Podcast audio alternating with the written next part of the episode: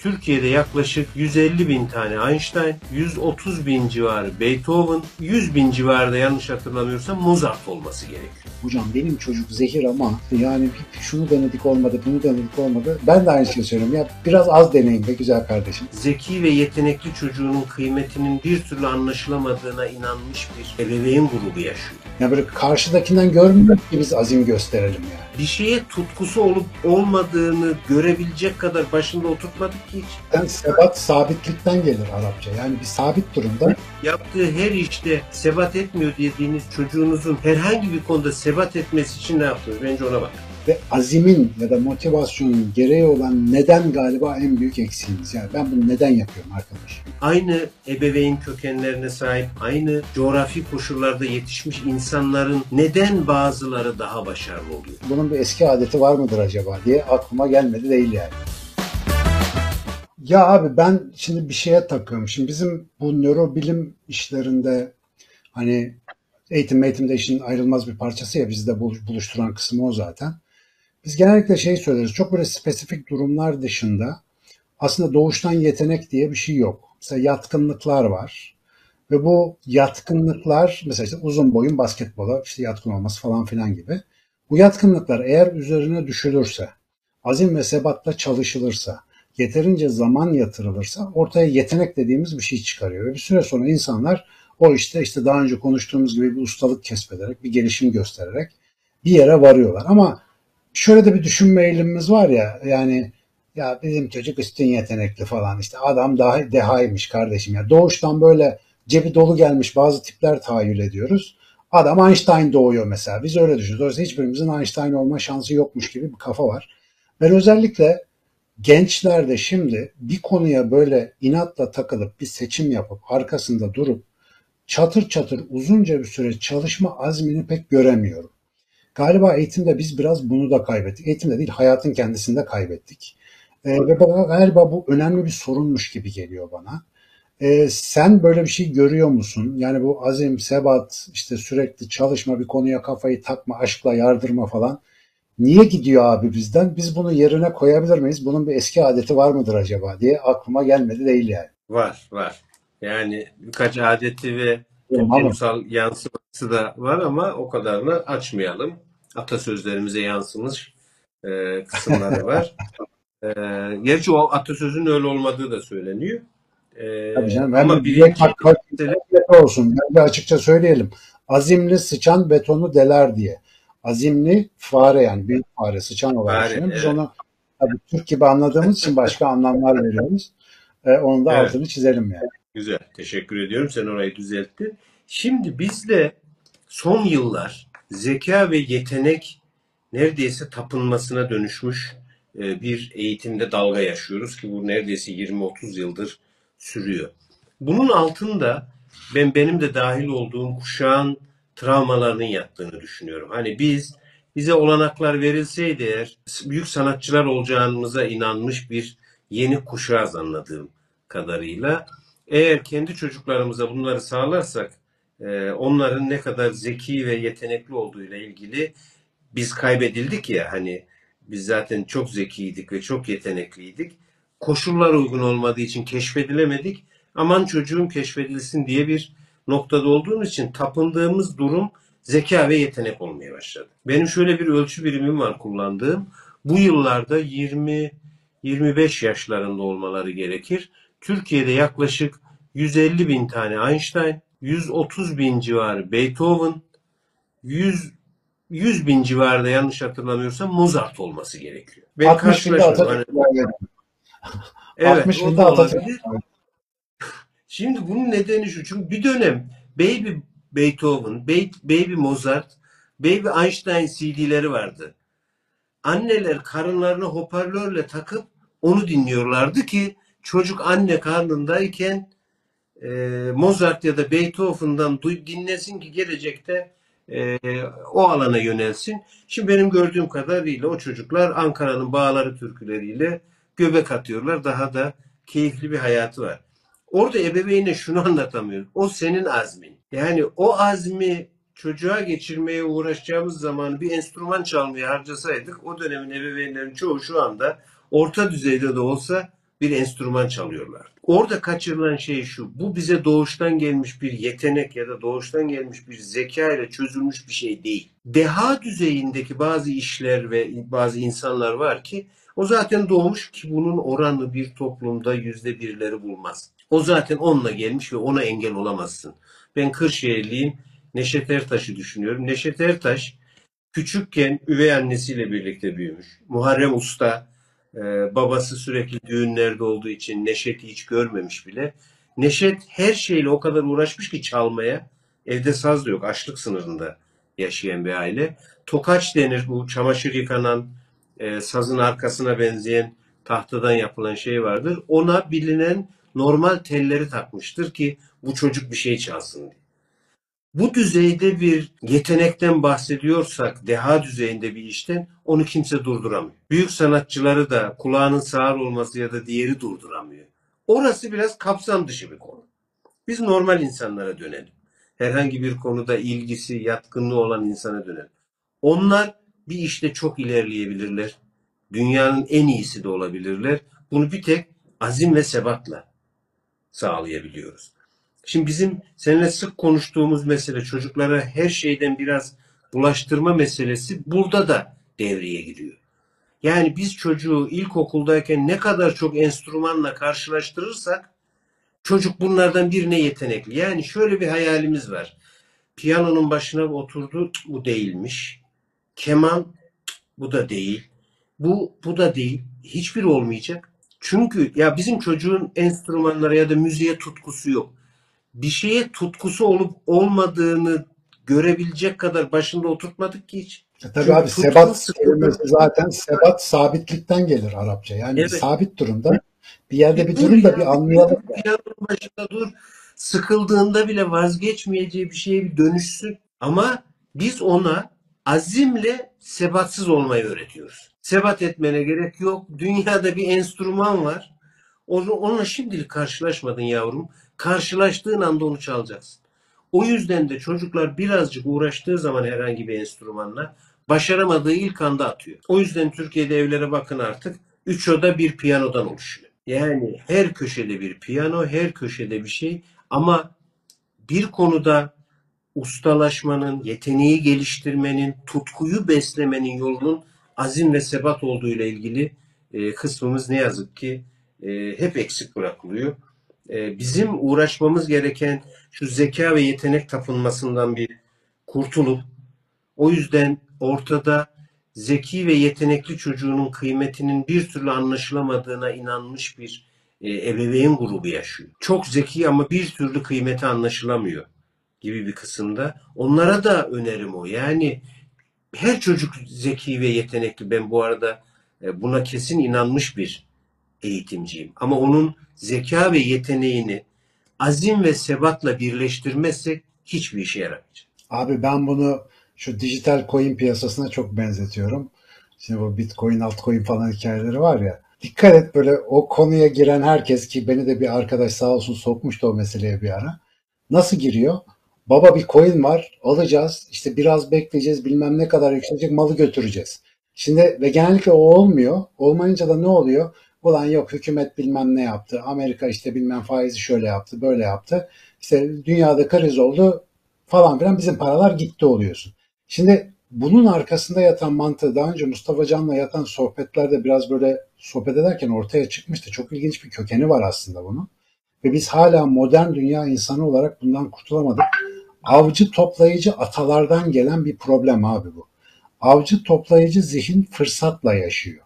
Yani böyle üretimi olmadığı için bir şeyi böyle sebatla bizim bugün yaptığımız gibi fabrikasyon üretemediği için ya doğada bir vahşi hayvan birini yıkacak da işte karkası bırakacak da bizimkiler gelip onu yiyecek ya da bir bal kovanı bulacak da Allah gününü gün edecek. O tarz fırsatları bekleye bekleye hayatta kalan ataların torunlarıyız ya biz. Biz bugün bu fırsat bekleme zihniyetinden çıkamıyoruz bir türlü. Yani bu deha da böyle bir fırsat. Bak arı kovanı gibi bir şey. Çocukta doğuştan manyak IQ var. Evet. E zaten o zaman yani sen niye varsın kardeşim? O zaten yapacak. Senin ona bir şey vermene gerek yok.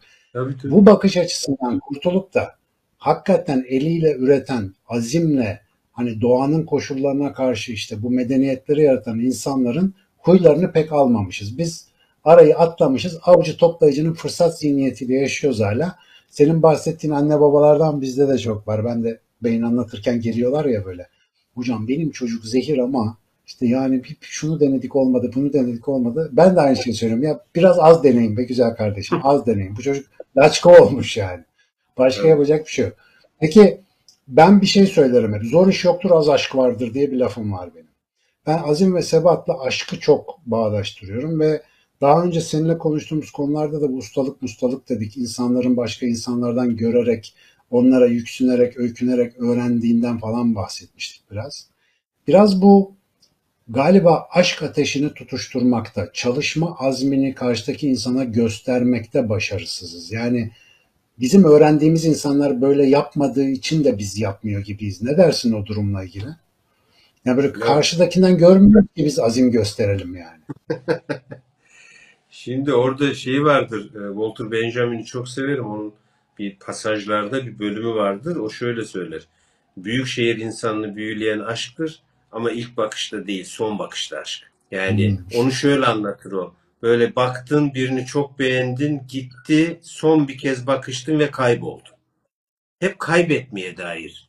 Yani karşılıklıysa sevgiye dönüşür diye hep bir aşağı doğru çekilir. Karşılıksızsa eğer aşktır gibi bir hale dönüşerek aşkı da hep bir kaybetme üzerine dizayn ettiğimiz için sürekli hale getirme, ilişkide kalmakla ilgili kısmı bizde hep zayıf oluyor. Hep büyükşehir insanı Maalesef. gibi olaya bakıyoruz. Bir işe o aşkla bağlı olmak kavramı üzerinden gidince şimdi yapılan bir araştırma var. Yanlış hatırlamıyorum. Öyle iyi araştırmalar genelde Harvard yapıyor. O yüzden Harvard'ın araştırması diyelim biz de hiç kaynağını aramayalım. Başarılı insanların e, temelde neyi iyi yaptığına bakılıyor. Hani çok yetenekliler var. Yaptığı spor dalına fiziksel yatkınlık var. Diğerleri var. Bir sürü şeyi eledikleri zaman geriye bir tek azim kalıyor. Bu konuda yazılmış bir de kitap vardır Angela Duckworth'un. Herkese kesinlikle öneririm Azim. Yani hayatımızda bizi başarıya götüren ve yaptığımız işin kendimizi gerçekleştirme hissiyle dolu olmasını sağlayan şey o iş için harcadığımız emek aslında. O emekle hayatı kurmaya çalışıyoruz. Ve bütün bu insanlara baktığında aynı eğitimden geçmiş, aynı ebeveyn kökenlerine sahip, aynı coğrafi koşullarda yetişmiş insanların neden bazıları daha başarılı oluyor? Çünkü onların bazıları daha azimli. Ve istisnasız olarak e, başarılı oluyor. Yeni Dünyanın Cesur İnsanı'nda da bir bölüm olarak yazdığım bir kısım vardı. Biz zaten Türkçe'de azim dediğimiz şeye İngilizce'de e, ya da batı kaynaklı metinlerde motivasyon diye rastlıyoruz. Şimdi motivasyon ya da azim dediğimiz mesele aslında insan bir engelle karşılaştığı zaman belli oluyor. Şimdi engel gelene kadar bir işi lay lay lom böyle heyecanla peşinden koşabiliyorsun ama işte mesela piyano örneğinde olduğu gibi lan başına bir oturuyorsun hiç de öyle bir şey değil. 90 küsür tane tuş var hangi birine basacağım harmonisi kuralı falan filan.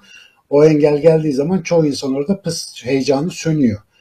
Motivasyon ya da azim engeli nasıl geçerim ya da ben bu engeli niye aşmalıyım sorusunun yani nedeni varsa, cevabı varsa ortaya çıkan bir şey. Dolayısıyla o zaman işte o insan için o engel aslında yükseltici bir basamağa dönüşüyor. Biz galiba eğitimde bu nedeni veremiyoruz insanlara ya da kendi nedenlerini bulmalarına pek fırsat veremiyoruz. Onların önüne Evet. bir sürü imkan seriyor. Çocuk onun neden yaptığını bile bilmeden oturuyor. İki zorlanınca da aman diyor kardeşim bu meslek bana göre değil, bu enstrüman bana göre değil, bu ilişki, bu iş bana göre değil diyor. Kenara atıveriyor kendini. Ve azimin ya da motivasyonun gereği olan neden galiba en büyük eksiğimiz. Yani ben bunu neden yapıyorum arkadaş? Zaten azimli insanların temel özelliklerinden biri o. Bir nedene sahipler. Kendileri için ya da toplum için. Ki daha yüksek azim ve daha değerli işler de kendileri dışında toplum içinde bir nedeni olan insanlar aslında toplum yararına daha büyük işleri de başarıyorlar. Diğerleri yürüyen bir sistemin bir parçası olmanın dışında bir anlam ifade etmiyorlar kendilerine ve topluma. O yüzden biz eğer bir zorlukla senin güzel anlattın. Bir zorlukla karşılaşma anında o orayı aşmamızı sağlayacak motivasyonu ve geçmiş destekleri almamışsak, o konuda güçlendirilmemişsek, ailemiz her zorlandığımız yerde tamam oradan geriye dön demişse, her kaçış fırsatımızı değerlendirmiş, kolayca kaçmamıza izin vermişse azimli bir birey olmuyoruz zaten. Bir Maalesef. hikaye anlatılır. Ee, Bir çocuk Amerika'nın en ünlü hokeycilerinden bir tanesi. Babası bir yerde okumasını istiyor.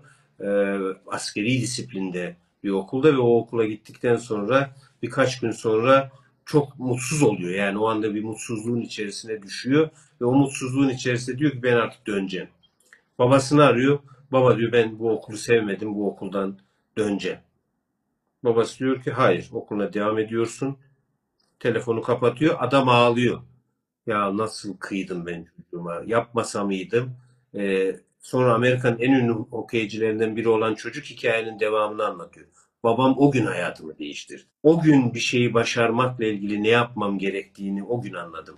O birkaç gün çok mutsuzdum. Sonra da hayatımı değiştiren bir okul olduğunu fark ettim ve o okulla birlikte hayatımı devam ettirdim. Bugün geldiğim yere. Babasıyla da bir röportaj yapılmış o da. O da orada aynısını anlatıyor. Ben ona orada kaçma fırsatı verseydim sonraki bütün problemlerinde kaçacaktı.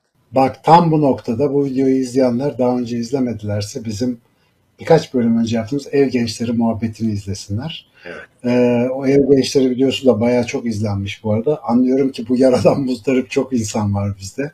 Yani ve biz gerçekten işte özel sektörün ailelerle şu anda rekabet edemeyeceği kadar bir rahatlık ve kolaylık ortamı sağladığımız gençlerimize aslında hiç iyilik yapmıyoruz. Evet. Ve netice itibariyle onların hiçbir işte dikiş tutturamaması için gerekli bütün ortamı hazırlıyoruz. Yani niye sebat göstersin ki adam? Zaten hani hayatta kalma anlamında her şey yerli yerinde ve oradan çıkmak için bir nedeni yok. Yani Tabii. evden kovsak vallahi bundan iyi. Yani yürü seni artık para harcamayacağım falan diye kovsak vallahi bundan iyi gibi gözüküyor yani. Kesin. Yani şöyle düşünün. Ya benim çocuğum hiçbir işte sebat etmiyor cümlesini kurduğunuzu düşünün. Çocuğunuz 30 yaşındayken. Filmi geriye saralım. 23 yıl önce o günden 23 yıl önce çocuğunuz ilkokulda her hafta girdiği kulübü değiştirirken her hafta hayır ben artık bunu yapmayacağım derken nasıl davranıyordunuz? Şu anda iş değiştirirken yaptığı her işte sebat etmiyor dediğiniz çocuğunuzun herhangi bir konuda sebat etmesi için ne yaptınız? Bence ona bak. Biz şimdi ev gençlerinden bahsediyoruz. Bugün evde oturmalarını dert ediniyoruz ama zamanda evde oturmaları için elimizden geleni yaptık. Karşılaştığı her zorlukta size kaçmasına, size sığınmasına, sizin problemi çözmenize muhtaç hale getirdiğiniz çocuğunuz kusura bakmayın 30 yaşında da size muhtaç bir genç olarak hayatını devam edecek. Maalesef. Ya valla süper oldu abi. Ya o kadar böyle can damarı bir konu ki bir de iki gün önce ben şimdi evde sürekli yattığım için arada bir kendime mani olamayıp Instagram'a bakıyorum. Bir video gördüm onu paylaşmıştım. Onu hatırlatıp kapatayım. Muhtemelen çok kişi görmüştür. Viral olmuş. Kadıncağızın bir genç bir anne muhtemelen çocuğu okula bırakmış. Arabada kriz geçiriyor. Daha kriz geçirirken de kendine video çekmiş. Diyor ki lanet olsun diyor. Anne bu şey ebeveynlik çok zor diyor. Ve diyor bu çocuk diyor ben diyor kötü ne yaparsam aynısını yapıyor. Onu değiştirmek için kendimi değiştirmem lazım. Daha iyi bir insan olmam lazım diye çıldırıyor arabada. Kadın olayın özüne gerçekten vakıf olmuyor ama o kadar kolay bir şey değil gerçekten. Yani çocuklar bizim aynamız. Eğitim evet çok çok önemli ama esas tabii ki ekosistem aile olduğu için yani orayı vurgulamak çok çok önemli. Aile zaten o asgari e, nasıl diyelim sorumluluk verme bilincini, azim aşılama bilincini kendi içerisinde oturtturabildiği takdirde eğitimde ona gayet güzel destek olabilecek. En azından eğitimden o konuda taleplerde bulunma hakları olacak bir yerde. Ee, ve bu konu hakikaten pek pek önemliymiş abi. Bizim memleketin acil eylem planı içerisine gelmesi, girmesi gereken bir şey diye düşünüyorum. Ve Çok bunun için küçük küçük şeyler yapmamız yeterli aslında. Yani çocuğumuz gelecekte mutlu, kendini gerçekleştirmiş bir birey olsun ve yaptığı işleri azimle sarılsın istiyorsak şunu hiç unutmayalım. Bugün yaptığı her şeyde en iyisini yapmak zorunda değil ama elinden gelenin en iyisini yapmak zorunda olduğu kültürünü ona aşılamamız önemli. Tam burada bağlarız baba. Süper.